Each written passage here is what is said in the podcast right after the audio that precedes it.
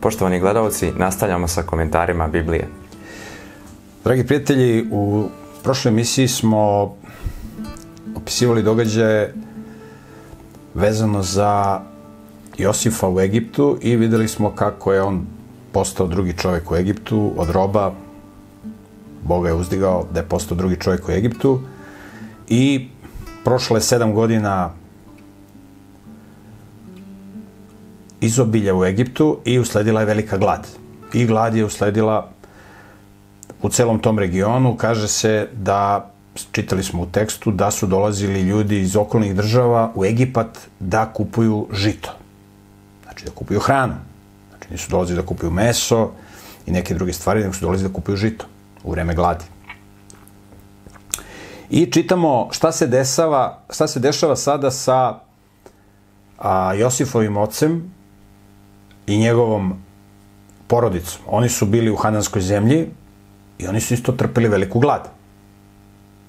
I čitamo od 42. poglavlja prve knjige Mojsijeva, prve knjige Mojsijeve, znači od prvog stiha, u vreme velike gladi, znači glad je nastupila, a, šta se dešava? Josif a, je imao 30 godina kada je postao drugi čovjek u, u Egiptu. Sa 17 godina je doveden u ropstvo. Znači, 13 godina nije video svog oca i još 7 godina vreme izobilja, to je 20 godina, on svog oca nije video. Znači, potekao veliki period. Vidjet ćemo šta će se dalje dešavati. Znači, prošlo je dosta godina. 42. poglavlje od prvog stiha. Jakov je video da u Egiptu ima žita, pa je svojim sinovima rekao, zašto gledate jedan u drugoga? I još je rekao, čuo sam da u Egiptu ima žita, idite i tamo ga kupite, da ostanemo živi i da ne pomremo. Tako su desetorica Josifove braće otišla u Egipat da kupe žito. Ali Jakov nije poslao Josifovog brata Venijamina s drugom braćom, jer je rekao, da ga ne bi zadesilo neko zlo, pa da pogine. Znači, Jakov, onaj kome je Bog promenio ime u Izrael, zbog velike gladi, šalje sinove u Egipat da kupe žito. Ali, šalje njih desetoricu. Ovog najmlađeg Venijamina, koji je bio od njegove glavne žene, od njegove najmilije žene, iako je on imao dve žene, Liju i Rahelu, a ove su bile, a imao je decu i sa njihovim sluškinjama, vidjet ćemo kroz tekst da Jakov, odnosno Izrael, Rahelu smatra svojom glavnom ženom i sa njom je imao dva sina. Imao je Josifa, koji je u Egiptu, on ne zna da je on u Egiptu, ima Venjamina. I ta dva, det, ta dva sina su mu bila najdrža. Ovaj je poginuo, smatra Jok, Jakov, i Venjamina neće da pušta. Znači, idu ova desetorica i šalje ih u Egipat. Venjamina najmlađeg zadržava kod kuće. Čitamo dalje, pet stih. Tako su Izraelovi sinovi došli zajedno s drugima koji su dolazili da kupuju hranu, jer je u Hananskoj zemlji vladala glad, a Josif je bio moćan čovek u zemlji. On je prodavao žito ljudima iz svih zemalja. Zato su Josifova braća došla kod njega i poklonila mu se licem do zemlje. Kad je Josif ugledao svoju braću, ma ih je prepoznao, ali oni njega nisu prepoznali. Zato im se obratio oštrim rečima. Odakle dolazite? Oni su odgovorili. Dolazimo iz Hananske zemlje da kupimo hranu. Znači oni dolaze kod Josifa. I kad izlaze pred njega, tekst kaže klanjaju se pred Josifom. Ako čitamo drevne istorijske dokumente, možemo da vidimo kako izgledalo to klanjanje. Na primjer, u, u starim akadskim a, dokumentima se kaže, kad se izlazi pred cara, klanjam se sedam i sedam puta. Šta to znači? On kad izlazi pred cara, pred vladara, on izlazi pa se pokloni do zemlje, znači sklo se pokloni. Kao ono što se muslimani mole. Danas se tako skoro niko ne moli, samo muslimani. Znači on se na taj način pokloni pred carem. Pa onda nastavi nekoliko koraka pa se opet pokloni. I tako sedam puta dok ne dođe do cara. Znači on u 30 metara dok je car je bio u velikim odejama, to su bile ogromne prostore kad izlaziš pred cara. On na tih 20-30 metara dok izađe pred carom, on se sedam puta pokloni. I kad završi šta je imao da kaže caru, on se, on napušta cara, ali ne okreće on leđa caru, aj zdravo care, odo ja. Ne. Nego on ide unazad. Znači, on ne okreće leđa caru, nego lice mi je okrenut ka caru, kad napušta cara. Ide unazad.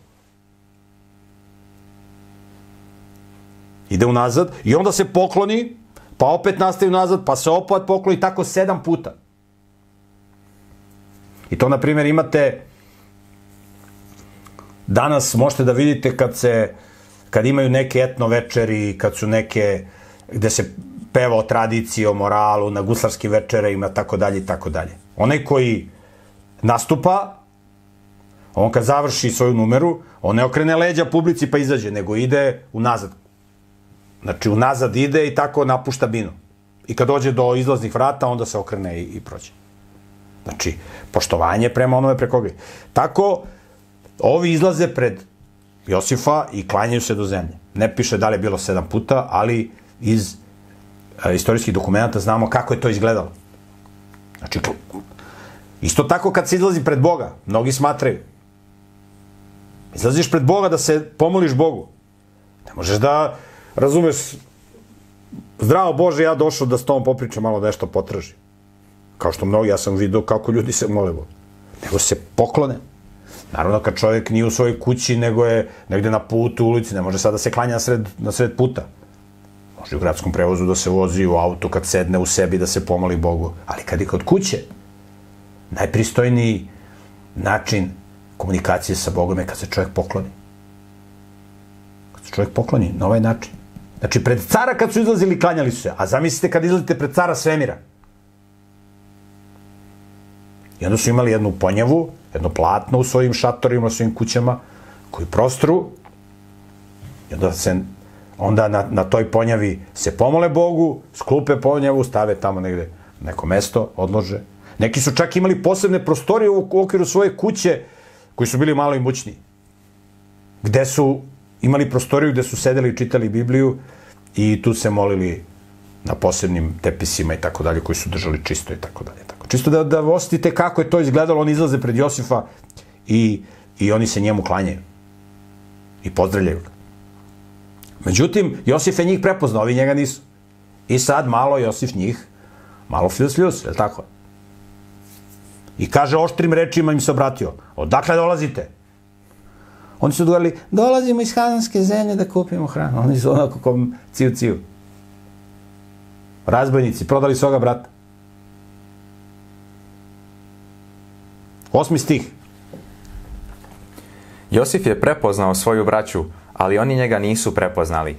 Josif se odmah setio snova koje je sanjao njima, pa im je rekao, vi ste uhode, došli ste da vidite gde je zemlja nezaštićena. A oni su mu odgovorili, ne gospodaru, tvoje sluge su došle da kupe hranu. Svi smo mi sinovi jednog čoveka, mi smo čestiti ljudi. Tvoje sluge nisu uhode. Ali on im je rekao, nije tačno, vi ste došli da vidite gde je zemlja nezaštićena. Oni su tada rekli, nas je dvanestoro braće, tvojih slugu. Svi smo mi sinovi jednog čoveka u Hananskoj zemlji. Najmlađi je ostao s našim ocem, a jednog više nema. Pazite šta kaže tekst. Josif je prepoznao braću. Oni njega nisu prepoznali. I kaže, odmah se setio snova koje je sanjao njima. Koje snove je sanjao Josif o svoje braći? Bila su dva sna koje, ako se sećate kad smo čitali, da se sad ne vraćamo. Znači, bio je san da je Josif sanjao prvo klasove. Kako je on imao klas i kako su njegova braća imala klasove. I onda su se njihovi klasovi klanjali njegovom klasu. Znači, 11 klasova se klanjalo jednom klasu. Posle sanjao drugi san, čitali smo, da se sad ne vraćamo, gde on sanjao sunce, mesec i 11 zvezda. Kako se njemu klanjaju? 11 zvezda. I onda njegov otac rekao, čekaj, ti misliš da ćemo ja i tvoja majka i, i, i tvoja braća tebi da se klanjamo? Znači, Josif se setio sna. Šta je bilo u snu? 11 klasova i 11 zvezda se njemu klanjaju. Plus sunce i mesec. Ovde nema 11 zvezda, odnosno 11 robraće. Ovde nema 11 klasova, odnosno 11 robraće, nego 10.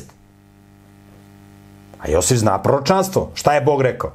Njih 11 će da mu se klanja. Josif radi u funkciji onoga što je Bog rekao njemu u snu. Treba da dođe 11. Kaže, Josif se setio snova koje sanja o njima.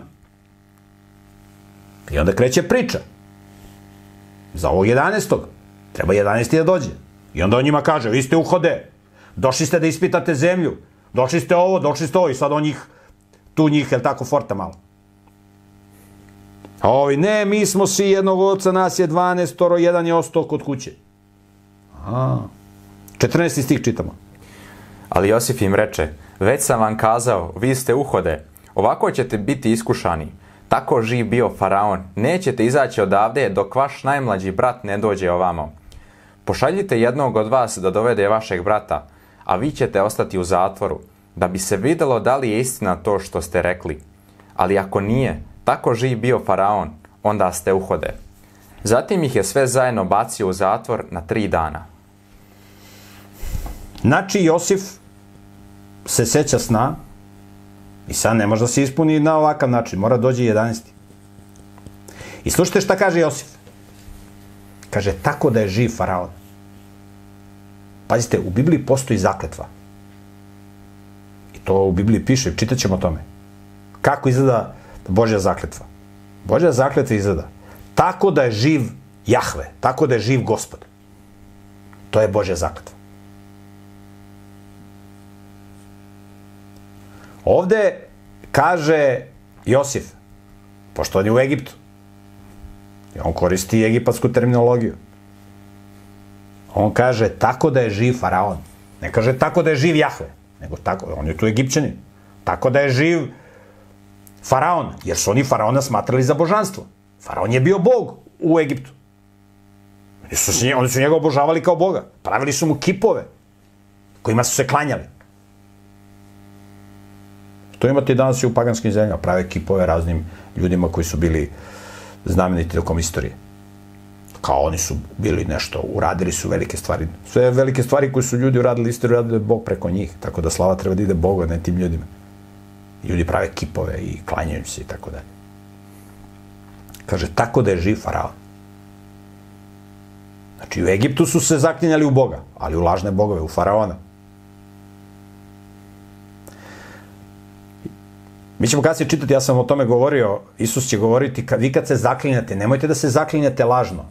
Da se zaklinjete, zaklinjem se nebesima, zaklinjem se uh, Jerusalimom, gradom svetim, zaklinjem se uh, podnožnjem nogu, Božih nogu i tako dalje. Jer u, u, u Isusovo vreme, kad su ljudi hteli da lažu, onda nisu se zaklinjali tako da je živ gospod, jer su znali da je ta zakletva nešto mnogo opasno ako se zaklinješ tako da je živ gospod pa nešto uradiš loše. Nego su se oni zaklinjali, zaklinjem, te, zaklinjem se Jerusalimom svetim gradom. Ta zakletva ne vredi ništa. To nije zakletva. Zakletva je tako da je živ gospod. I onda su se lažno zaklinjali. Zaklinje se u ovo, zaklinje se u Jerusalim, u nebesa, o, ali ne sme u Boga da se zaklinje, tako da je živ gospod. Isus kaže, nemojte to da radite. Nego da bude da, da, ne, ne. Znači, nemojte lažno da se zaklinjete. Ali u Bibliji postoji zakletva. To smo čitali. Ičitat ćemo, još nismo čitali, ali ćemo čitati ovaj, kako budemo, ja sam o tome govorio, ali evo sad ponavljam. Čitat ćemo kako izgleda Božja zakletva kad budemo došli na te tekstu, ali ja čisto da bi ovaj tekst malo razjasnio. I onda je on njih sve zajedno stavio u zatvor na tri dana. Znači, malo da razmišljaju o onome što su radili. Čitamo dalje, 18. stih. Trećeg dana Josif im reče, ako ovako uradite, ostaćete živi, jer se ja bojim Boga. Ako ste čestiti, neka jedan od vaše braće ostane u zatvoru, a vi ostali idite i odnesite žito svojim porodicama koje gladuju. Onda mi dovedite svog najmlađeg brata, da bi se videlo da li je tačno ono što ste rekli i nećete umreti. A oni su pristali da tako učine. Kaže Josif, ako ovako uradite, osjećate živi, jer se ja bojim Boga. Ovde se za ime Bog, on ne kaže tu Elo, uh, Jahve, pošto je on u Egiptu. On kaže Elohim. Elohim je opšte ime za Boga. Kao što mi kažemo Bog. Kad kažete Jahve, onda se tačno zna na kog Boga mislite, na biblijskog Boga. Jahve je biblijski Bog. Jahve. On ovde kaže Elohim. Ja se bojim Boga. Ne kaže kog Boga. Egipćani misle da on misli na ove ove egipatske bogove. I kaže, jedan će da ostane ovde u zatvoru, a vi ostali idite, odnesite žito i hranu vašim porodicama i dovedite najmlađeg brata. Znači da se ispuni ono što je sanjao, što mu je Bog rekao. Da dođe njih 11 Sad se postavlja pitanje, a ko su sunci i mesec koji se klanjaju Josifu? Jer Josifova majka je umrla kada je, kada je rodila Venijamina. Tako da teolozi imaju, postoje različite, različite interpretacije ko su sunci i mesec. Vrlo je moguće da su sunci i mesec, u tom snu koji je sanjao Josif, u stvari egipatska zemlja i hananska zemlja. Egipatska i hananska zemlja, a 11 a 11 zvezda su njegova braća. To je jedna interpretacija, koja je ovako meni najlogičnija. Čitamo 21. stih. Tada rekoše jedan drugom, sigurno sosimo krivicu zbog našeg brata, jer smo videli nevolju njegove duše kad nas je preklinjao za milost, a mi ga nismo poslušali. Zato nas je snašla ova nevolja. Tada im Ruvim odgovori, zar vam nisam govorio, ne činite greh detetu, a vi niste slušali. Sad se traži račun za njegovu krv. Ali nisu znali da ih Josif razume, jer je s njima pre, razgovarao preko tumača. Zato se udaljio od njih i zaplakao. Zatim se vratio i razgovarao s njima, pa je uzeo Sim, Simeona i vezao ga pre njihovim očima. Tada je Josif zapovedio da im se džakovi napune žitom, da im se u njihove vreće vrati novac i da im se da hrana za put. Tako su im i učinili. Dakle, Josif je rekao, ostaje jedan ovde, ostali idu kući. I sad ovi između sebe se raspravljaju. I kaže Ruvim, zar nisam rekao da ne diramo dete? Kaže, ali vi niste slušali, sad se traži račun za njegovu krv. Pazite, ovo je vrlo važan tekst. Isus kaže i u Bibliji piše da će svako dobiti po delima svojim. I doći na naplatu. To je ovo što kaže kaže sad se traži račun za njegovu krv. Znači dolazi naplata. Tokom istorije su živjeli mnogi kriminalci i ubice. Ubice nisu samo oni koji fizički likvidiraju ljude. Ubistvo je i kada nekome oduzimate dostojanstvo. I to je ubistvo. To rade ovi moderne plaćene ubice. Tako. Ovi lažni novinari. Ne pravi, nego lažni. Oni isto čine ubistvo. I o tome Biblija govori. Kaže, sad se traži račun za njegovu krv. Tako da svi oni koji su činili teška krivična dela ili neka druga, treba da se, da mole Boga za oproštaj. Da im oprosti. Za to što su činili. Jer će doći račun za krv koju su prolivali. Za one koji prolivaju krv pravu, kako kaže u Bibliji. Naravno da Josif se seća kad je bio 17 godina da se Ruvim zalagao za njega. Oni, mis, oni nisu znali da ovaj da ih ovaj razume. I šta se dešava? Kaže, zatim se vratio, a ovome Josif je čuo šta oni pričaju. I bilo mu je teško i otišao, i, otišao u neku prostoriju tamo i plakao. Bilo mu žao kad je čuo kako oni razgovaraju. I kako se oni kaju i kako im je teško. I bilo im je žao zbog toga. I kaže, vratio se i uzeo Simeona i vezao ga. Kaže, vidite, ostali, a ovo nek ostane. Što je vezao Simeona? Što nije vezao Ruvima? Ruvim je najstariji. Ruvim se zalagao za njega. A Simeon je sledeći po starini. Znači, najstariji je Ruvim, drugi je Simeon. On neće najstarijega da veže, kao što bi trebalo prvedac. Jer Ruvim se zalagao za njega. Njega pušta. ovog prvog razbojnika sledećeg, njega vezuje, Simeona. I to nije slučajno što je Simeona veza. Rovin se zalagao za njega.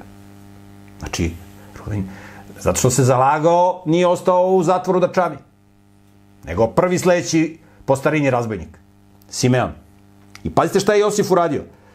Naredio da, mu se, da im se stavi žito u džakove i rekao je da taj novac s kojim su platili žito da se stavi od ozgo.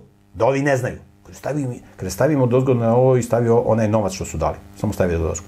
I spakuju im tako. I ovi spakovali. Šta se dalje dešava? 26. stih. Oni su natovarili žito na svoje magarce i krenuli odande.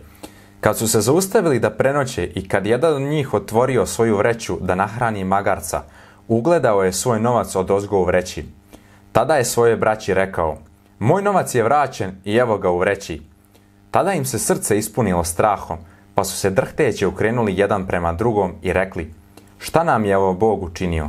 Znači, sada ubice imaju problem. Znači, sad će malo da se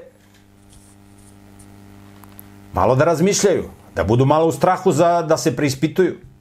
Ne bi se oni nikad preispitivali za, za to što su radili da se ovo nije desilo. To Bog tako vodi. Znači sad strah. Preispituju se. 29. stih.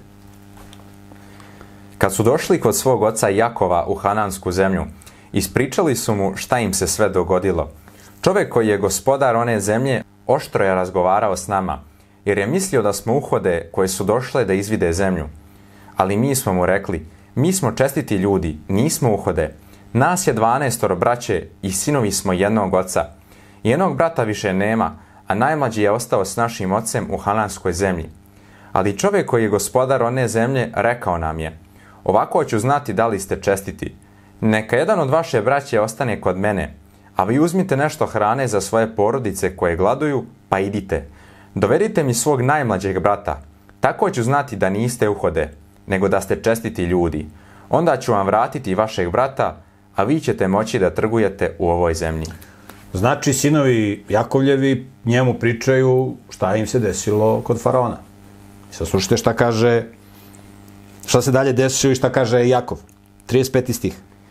A kad su praznili svoje vreće, svako je u svoje vreći našao zavežljaj s novcem. Oni i njihov otac videli su, za, videli su zavežljaje s novcem i uplašili su se. Tada je njihov otac Jakovu uzviknuo. Zbog vas sam ostao bez dece, Josifa više nema, nema ni Simeona, a i Venijamina hoćete da mi uzmete. Sve se na mene svalilo. A Ruvim reče svom ocu, ubij moja dva sina ako ti ga ne vratim. Daj ga meni, ja ću se brinuti o njemu i vratit ću ti ga. Ali on odgovori, moj sin neće ići s vama, jer je njegov brat mrtav i on je ostao sam. Ako ga zadesi neko zlo pa pogine na putu na koji idete, poslali, bi, poslali biste moju sedu glavu s tugom u grob.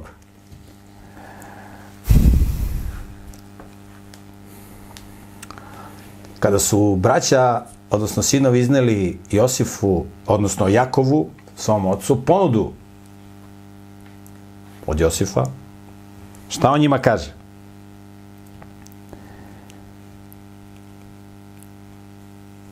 Kaže, zbog vas sam ostao bez dece. Josifa nema, Simeona, Simoni u Egiptu, a sad hoćete i da vodite Venjamina. Sve se na mene svalilo. Pa naravno da se svalilo, prijatelj. Jesi ti brinuo o tim sinovima? Jesi im dopuštao da rade to što su radili? Jesi se ponašali kao banditi? Što nisi zatego uzde? Sad dolazi na naplatu. Sve se na tebe stvalilo. Nije moralo da se svali sve na tebe. Nije moralo da se svali. I ovo je, ovo, ovo je upozorenje roditeljima i očevima. Ako budeš puštao da deca rade šta hoće, svalit će se na tvoja leđa. I posle kukaj. Ko je jako što kuka?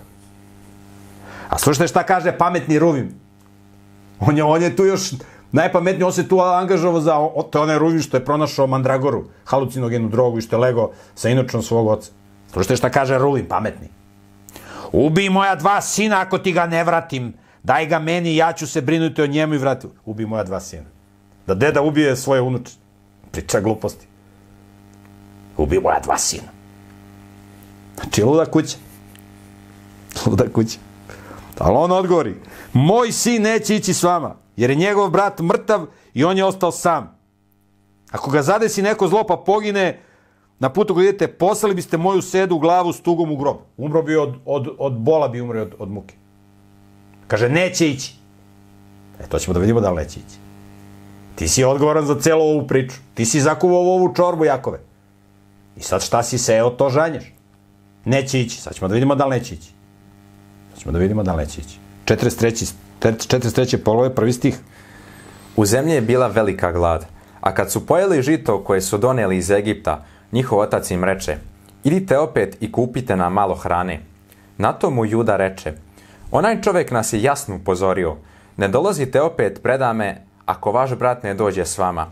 Ako pustiš našeg brata da ide s nama, onda ćemo otići da ti kupimo hranu.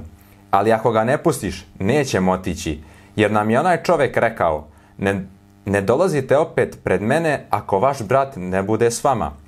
A Izrael je uzviknuo, zašto ste mi učinili zlo rekavši onom čoveku da imate još jednog brata? Oni su odgovorili, čovjek se potanko raspitivao nama i našoj porodici. Da li je vaš otac još živ? Imate li još nekog brata? A mi smo mu ispričali sve kako jeste. Kako su mogli znati da će reći, dovedite svog brata? Znači Jakov ili Izrael, kome je Bog premenio, kaže idite po hranu, ovi neće da idu.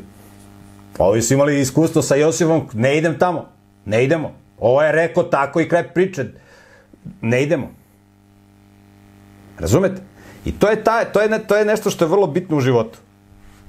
Vi imate da ovi ljudi koji su nemoralni, bezobrazni, nevaspitani, njihova, jedna od njihovih glavnih osobina je kad nešto hoće, oni dosadni, pa daj, pa ajde, pa nagovaraju, pa ovo, pa ono. Ali oni to mogu kod ljudi koji su mekani. Kod ljudi koji su principelni. To ne postoji. Vi dođete kod Josifa, kod pobožnog čoveka, moralnog. Razumete?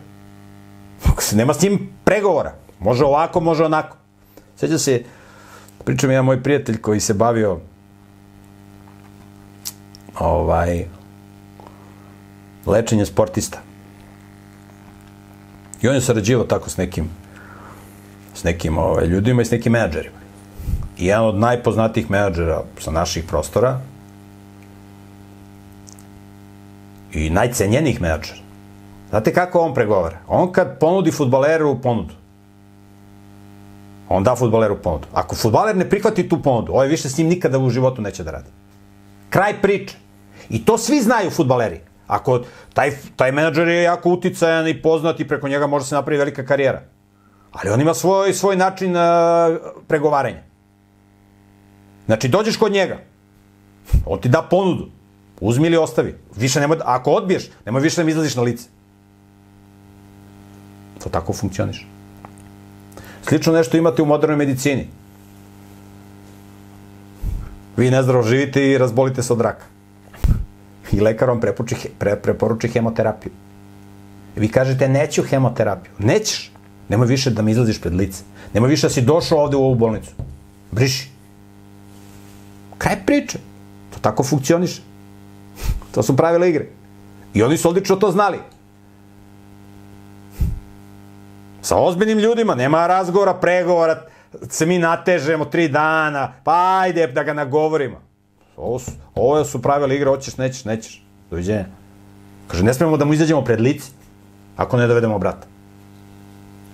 Kaže Jakov, ne puštam. Ne puštaš, sad ćemo da vidimo. Kad te malo stisne glad. I tebe i celu tvoju porodicu. A ima ih preko sto. Čitamo osmi stih.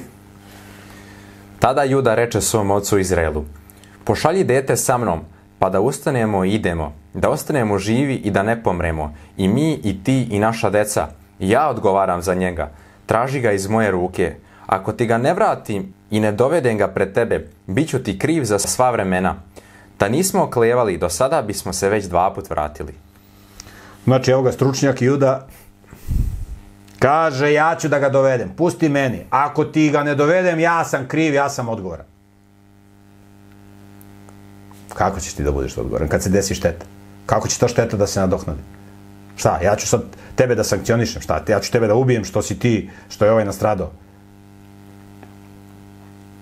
Kaže, do sad smo mogli dva puta da se vratimo. Sad ćemo čujemo šta kaže Izrael, odnosno Jakov, koji je rekao, ne puštam. 11. stih. Tada im njihov otac Izrael reče, ako je tako, onda uzmite najbolji rod ove zemlje u svoje džakove i odnesite ih onom čoveku na dar. Malo balzama i malo meda, mirođe i kore od drveta koja sadrži smolu, pistaća i badema. Ponesi se, ponesite sa sobom i dva put više novca. Vratite i novac koji je bio dozgo u vašim vrećama. Možda je to bila greška. Uzmite svog brata, pa ustanite i idite opet kod onog čoveka. A Bog svemoći neka postakne onog čoveka da vam se smiluje, pa da vam pusti drugog brata i Venijamina. A ja, ako moram da ostanem bez dece, neka ostanem. Sad se setio Boga da spomene, ovo nije ga spominje ovde, ranije. A Bog svemogući neka postakne onog čoveka da vam se smiluje i tako dalje. Idite, vodite i ovog brata i neko je Bog svemogući u pomoći. Ponesite tu i malo darove, ovo ono, te neke mirisne, neke začine, neke mirise, imali su malo pistaća i badema, ali nema žita. Žito je ključ. Razumete? To su ugljeni hidrati, ne može da se živi na ugljenim hidratima. Ne može. Vidi, ne može, stvarno. Ko kaže da ne može?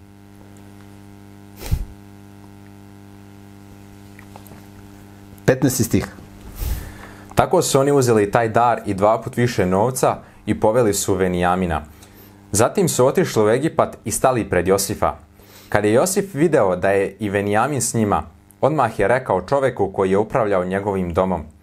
Odvedi ove ljude u kuću, zakolji nešto od stoke i pripremi jelo, jer će ovi ljudi jesti sa mnom u podne. Taj čovek je odmah učinio kako mu je Josif rekao i odveo te ljude u Josifov dom. A oni su se uplašili što ih on vodi u Josifov dom, pa su rekli, tamo nas vode zbog novca koji je bio stavljen u naše vreće, da bi nasrnuli na nas i napali nas, pa da nas uzmu za robove i otmu nam magarce. Oni se brinu za svoje magarce. Oteće nam magarce. Oteće nam pare. Bićemo im robovi. Znači, Josif ih prima u goste. Šalje ih u svoju kuću da jedu, ali oni su u strahu. Ima demoni ubacuju crne misle, jesu grešnici. Gotovi ste. Džabe Josif njih zove na gozbu tamo. Ulaze u lepu palatu, u njegovu kuću, ovo. Oni su u strahu. Ja. To je kao, to je kao kad uh, pričate demonizovanim ljudima o zdravoj hrani. I sad im pričate o žitaricama, pričate im o soji, pričate. Te žitarice su prskane, demoni ih truju. Vi im date ono što je najbolje. Ova soja je GMO, ne sme da se jede. A kad jede meso i kad jede leševe mrtvih bolesnih životinja, onda demon ga ne dira. Samo mu preko savesti Bog kaže da to nije dobro. Ako mu, ako, ako mu radi savest. Tako i ovi. Josif ih šalje na gozbu, a oni drhte. Jer su, jer su u grehu. Jer su odvojeni od Boga. Strah. Zato su pristupili čoveku koji je upravljao Josifovim domom i obratili mu se na ulazu u kuću, rekavši, oprosti gospodaru, mi smo i ranije dolazili da kupimo hranu, ali kad smo se zaustavili da prenoćimo i otvorili svoje vreće, svaki od nas našao je novac od ozgo u svojoj vreći, svoj novac u punoj težini. Zato svojim rukama želimo da ga vratimo. A sa sobom smo doneli još novca da kupimo hranu. Mi ne znamo ko nam je stavio novac u vreće. Tada im on reče, sve je u redu, ne bojte se. Vaš Bog i Bog vašeg oca stavio vam je blago u vreće.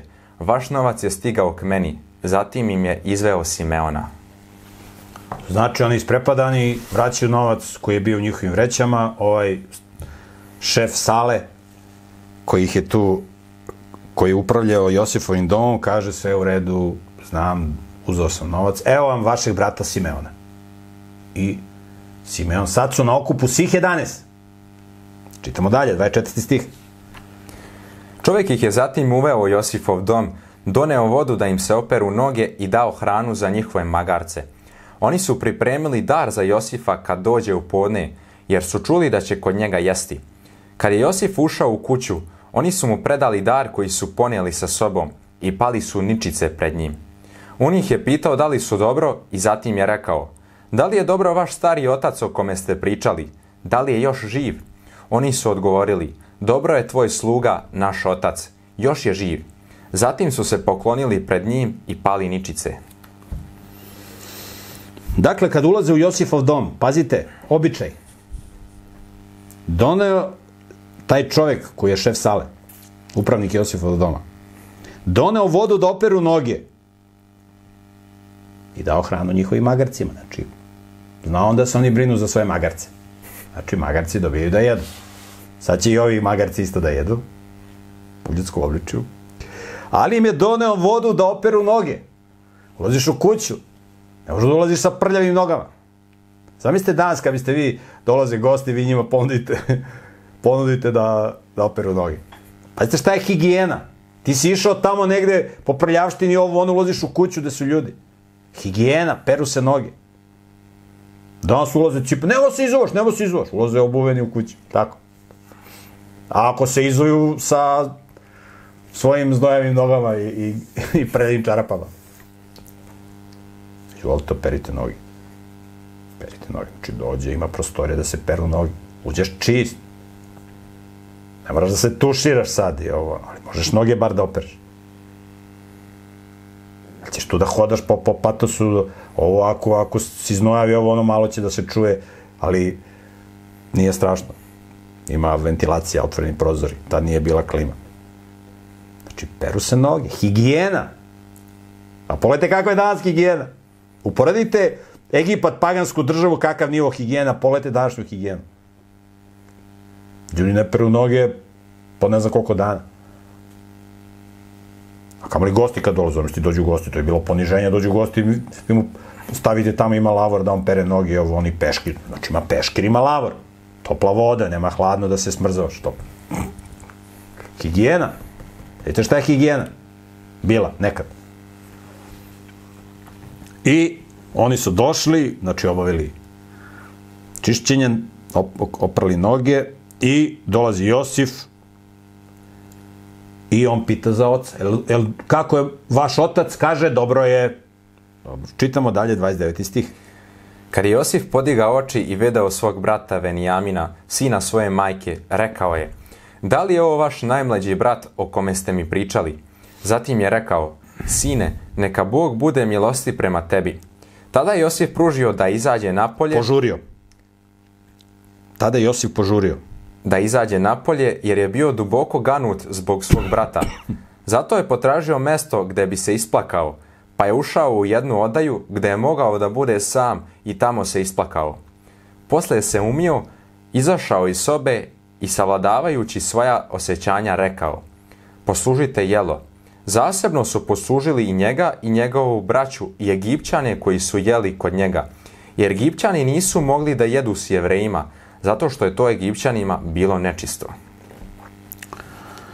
Znači, kad je Josif video svog rođenog brata, znači, on ima on i drugu braću, ali ovo je rođeni brat, od iste majke, Venijamin, sa koga je naročito vezan. On nije mogao da se suzdrži, nego otišao u susnu prostoriju da plače. Koliko se s njim nije video, znači nije se s njim video više od 20 godina. I onda se vratio i rekao, poslužite jelo. I pazite šta kaže. Zasebno su poslužili njega i njegovu braću, znači Josif je jeo sa svojom braćom. I Egipćane koji su jeli kod njega, Egipćani su jeli odvojeno.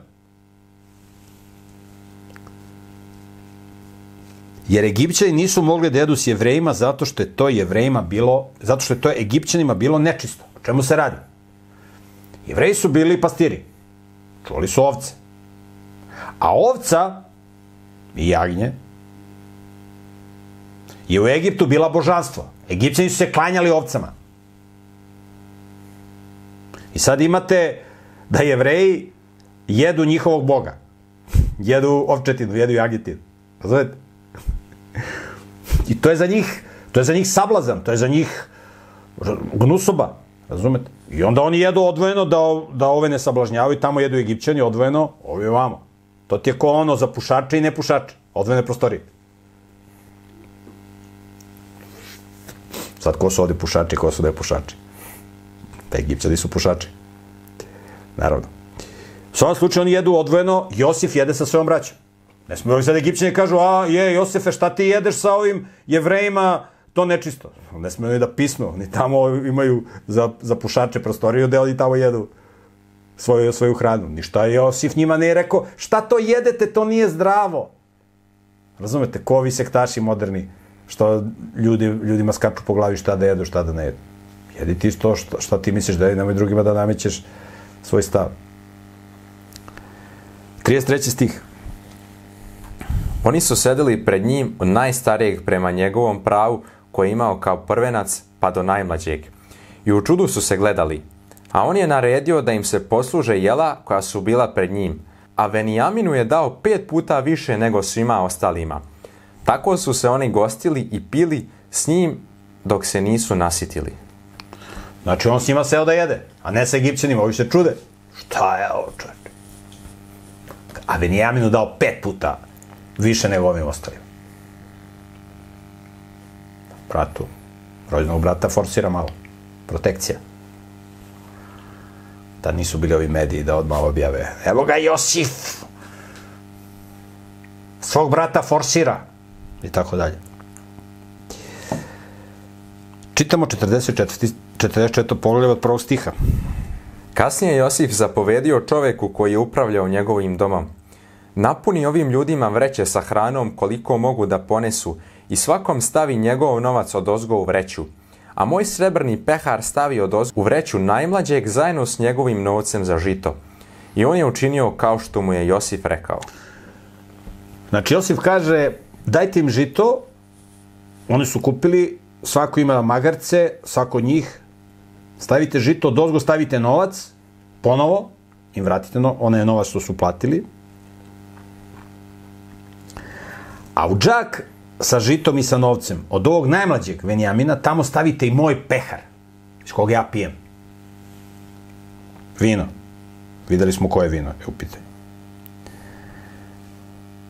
Znači, njegov pehar. Njegov srebrni pehar. Josifov pehar je bio očigledno drugačiji nego ostali pehari. Bio iz rezbaren i tako dalje. Treći stih. Kad je svanulo, otpustili su te ljude s njihovim magarcima. Tako su oni otišli iz grada. Nisu bili daleko odmakli kad je Josif rekao čoveku koji je upravljao njegovim domom. Ustani i požuri za onim ljudima i kad ih stigneš reci im Zašto vraćate zlo za dobro? Zar nije to pehar iz kog moj gospodar pije i iz kog tačno proriče? Zlo ste učinili. Znači, Josif još malo s njima, odnosno Bog preko Josifa, malo da ih dovodi u red. Kaže, idi tamo za njima kad odmaknu malo i pronađi ovaj pehar, pa još malo da ih, još ćemo malo da ih dovodimo u red, malo da ih. Šesti stih. Kad ih je stigao, ponovio im je to što je Josif rekao, a oni su mu rekli, zašto naš gospodar tako govori? Tvoje sluge nikako ne bi učinile tako nešto. Eto, novac koji smo našli od ozgo svojim vrećama, doneli smo ti nazad iz Hananske zemlje. Kako bismo onda mogli da ukrademo srebro ili zlato iz kuće tvog gospodara?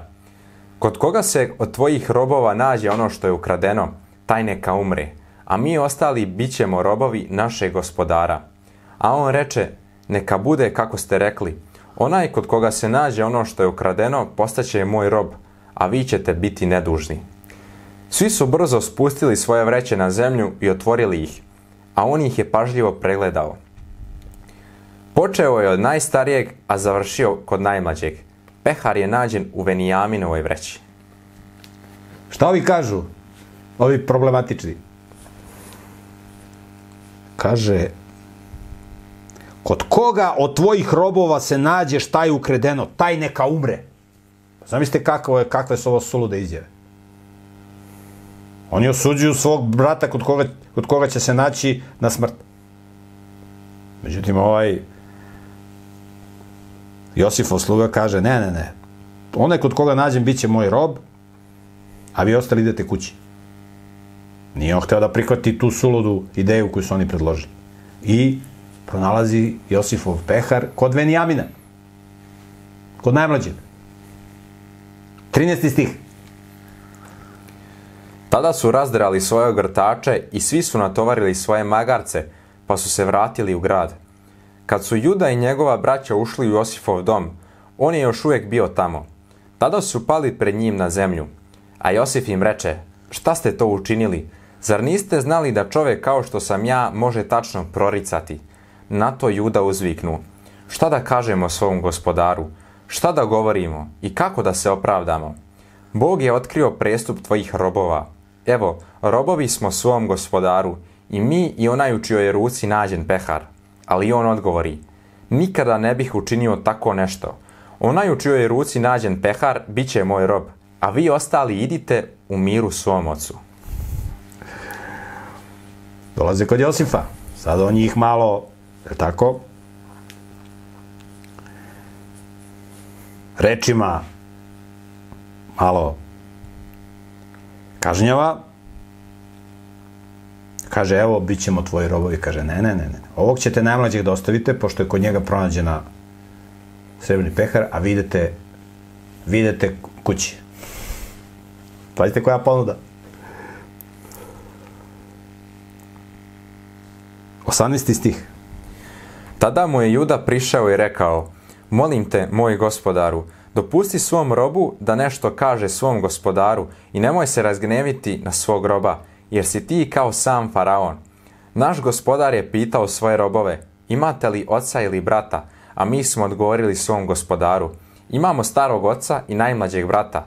To dete mu se rodilo pod starost, a njegov brat je mrtav.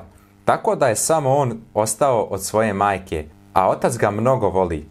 Poslije toga ti si rekao svojim robovima, dovedite mi ga da ga vidim svojim očima, a mi smo rekli svom gospodaru, dečak ne može da ostane, dečak ne može da ostavi oca, kad bi ga ostavio, otac bi sigurno umro. Tada si rekao svojim robovima, ako vaš najmlađi brat ne dođe s vama, nećete više vidjeti moje lice. Znači, Juda njemu prepričava razgovor, podsjeća ga na razgovor koji je vodio i sa svojim ocem Jakovljem. Ali pazite kako on razgovara sa, sa Josifom. Kaže, molim te, moj gospodar, dopusti svom robu da nešto kaže svom gospodaru i nemoj se razneviti na svoju roba, jer si ti kao sam faraon. Pazite kako on razgovara sa starijim od sebe. Razgovara na jedan, na jedan pristojan način. Kako se poštuju ljudi koji su autoriteti, koji se nešto pitaju u državi, koji se nešto pitaju u porodici, koji se nešto pitaju u preduzeću. Pogledajte kakav je ovo odnos, kako ljudi razgovaraju. A ne ovo ko danas nema nikakvog poštovanja ni prema roditeljima, ni prema poslodavcu, ni prema ljudima koji vode državu, prema nikome. Znači, razbojničko komuniciranje. I sad ovaj njemu kaže kako stoji stvar.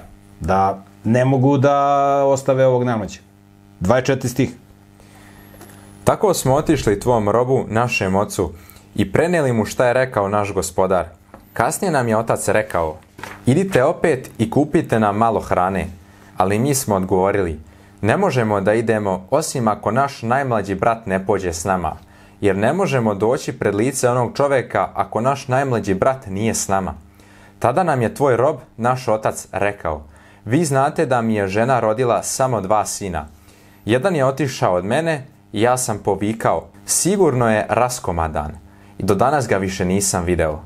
Ako i ovoga odvedete od mene i zadesi ga neko zlo pa pogine, svalit ćete nesreću na moju sedu glavu i poslaćete je u grob.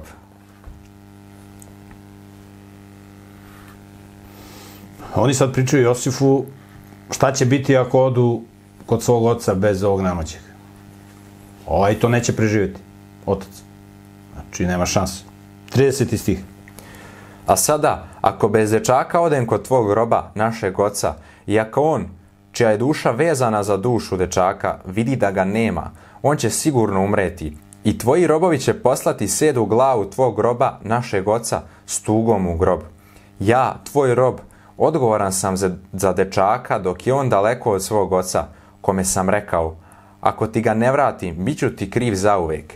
Zato te molim, dopusti tvom robu da ostane umjesto dečaka i da bude rob mom gospodaru, a dečak neka ide sa svojom braćom. Jer kako da se bez, deča, jer kako da se bez dečaka vratim kod svog oca, pa da gledam nevolju koja će ga snaći. Znači, Juda razgovara sa Josifom, pošto je on preuzeo odgovornost pred ocem da će da vrati Venijamina. I kaže, da ja da ostanem tu umjesto njega, jer ako ovaj, ako se mi vratimo bez Venijamina, bez najmlađeg brata, ovaj će naš otac sigurno da umre. Sigurno će da umre. 45. polovlje, prvi stih. Kad Josif to čuo, više nije mogao da se savladava pred svima koji su stajali oko njega, pa je povikao. Izađite svi napolje. Tako niko drugi nije ostao s Josifom kad se on otkrio svojoj braći. On je naglas zaplakao, tako da su ga čuli Gipćani, a saznalo se zato i na faraonovom dvoru. Na kraju je Josif rekao svojoj braći, ja sam Josif, da li mi je otac još uvijek živ? Ali njegova braća nisu mogla ništa da mu odgovore, jer su se uplašili. Zato im Josif reče, molim vas, priđite bliže. Tada su mu oni prišli. Znači, Josif više nije mogao da se suzdržava. Rekao je svim Egipćanima da izađu napolje. I onda se otkrio svoje braći i rekao, ja sam Josif, vaš brat. A kaže, ovi nisu mogli da mu odgovori koliko su se uplašili. Mislili su da će ovaj da im se osveti. Slušajte šta im kaže. Drugi deo četvrtog stiha. A on reče, ja sam vaš brat Josif kog ste prodali u Egipat. Ali sada nemojte biti žalosni i nemojte se ljutiti na sebe što ste me prodali ovamo, jer me je Bog poslao pred vama da bi vam sačuvao život. Jer ovo je druga godina gladi u zemlji, a još pet godina neće biti ni oranja ni žetve.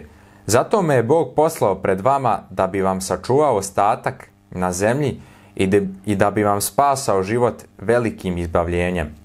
Zato me niste vi poslali ovamo, nego Bog, da bi me postavio za oca Faraonu i za, i za gospodara nad celim njegovim dvorom i za upravitelja nad celom egipatskom zemljom.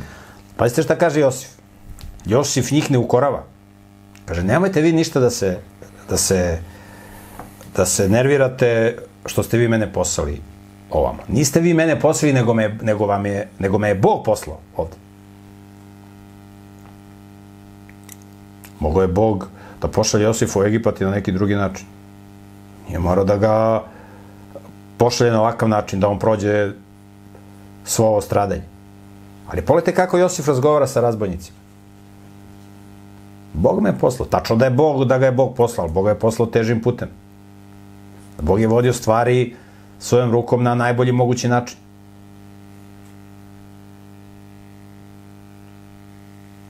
Znači, s ljudima, kako pridobiti ljude, kako da se jedan grešnik pokaje, ima ono, kaže, da li Bog može da stvori tako veliki kamen koji ne može da podigne? Može, to je čovek. Bog ne može da podigne čoveka ako mu čovek ne kaže da. I sad, Bog se preko Josifa bori da, da pridobije ove, ove razbojnike koji su prodali svog brata. Bog me je poslao ovde. Nemojte sebe da osuđujete. Tačno da ga je Bog poslao. I da je Bog sve to vodio. Ali Bog je poslao težim putem. Zato što ima braću razbojnike. I sad, pa se šta kaže dalje Josif, deveti stih. Pođite brzo mom ocu i recite mu, ovako govori tvoj sin Josif, Bog me je postavio za gospodara nad, nad svim Egiptom. Dođi kod mene, nemoj oklevati. Živećeš u zemlji Gesem i bit ćeš blizu mene, ti i tvoji sinovi i sinovi tvojih sinova, i tvoja sitna i krupna stoka i sve što imaš. Ja ću te snadbevati hranom, jer će biti još pet godina gladi, da ne bi propao ni ti, ni tvoj dom, ni ono što imaš. Evo, i vi i moj brat Venijamin svojim očima vidite da vam to moja usta govore. Zato ispričajte mom ocu o svojoj mojoj slavi u Egiptu i svemu što ste videli. Požurite i dovedite mi oca ovamo. Josif kaže, braći, dovedite mi oca. I slušajte šta kaže. Kaže,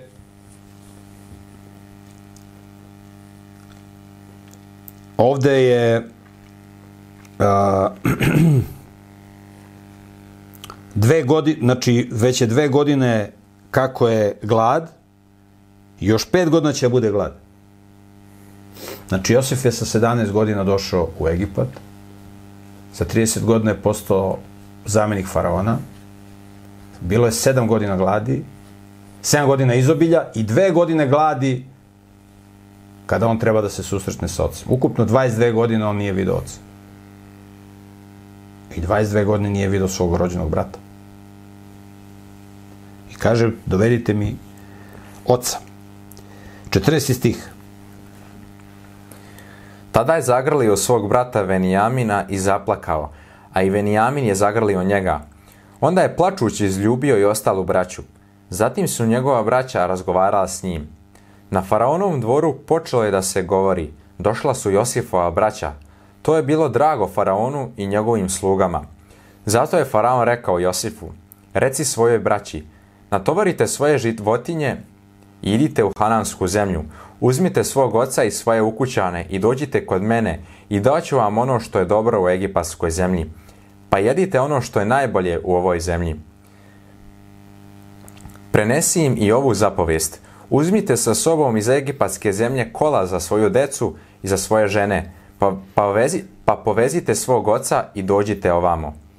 Ne žalite za svojim stvarima, jer je vaše sve ono što je dobro u egipatskoj zemlji. Josif se pozdravio sa svojom braćom, izljubio ih, a faraon je saznao da su došla Josifova braća i kaže dovedi cijelu svoju familiju, dobit ćete najbolju zemlju, sve što je najbolje u Egiptu dobit ćete.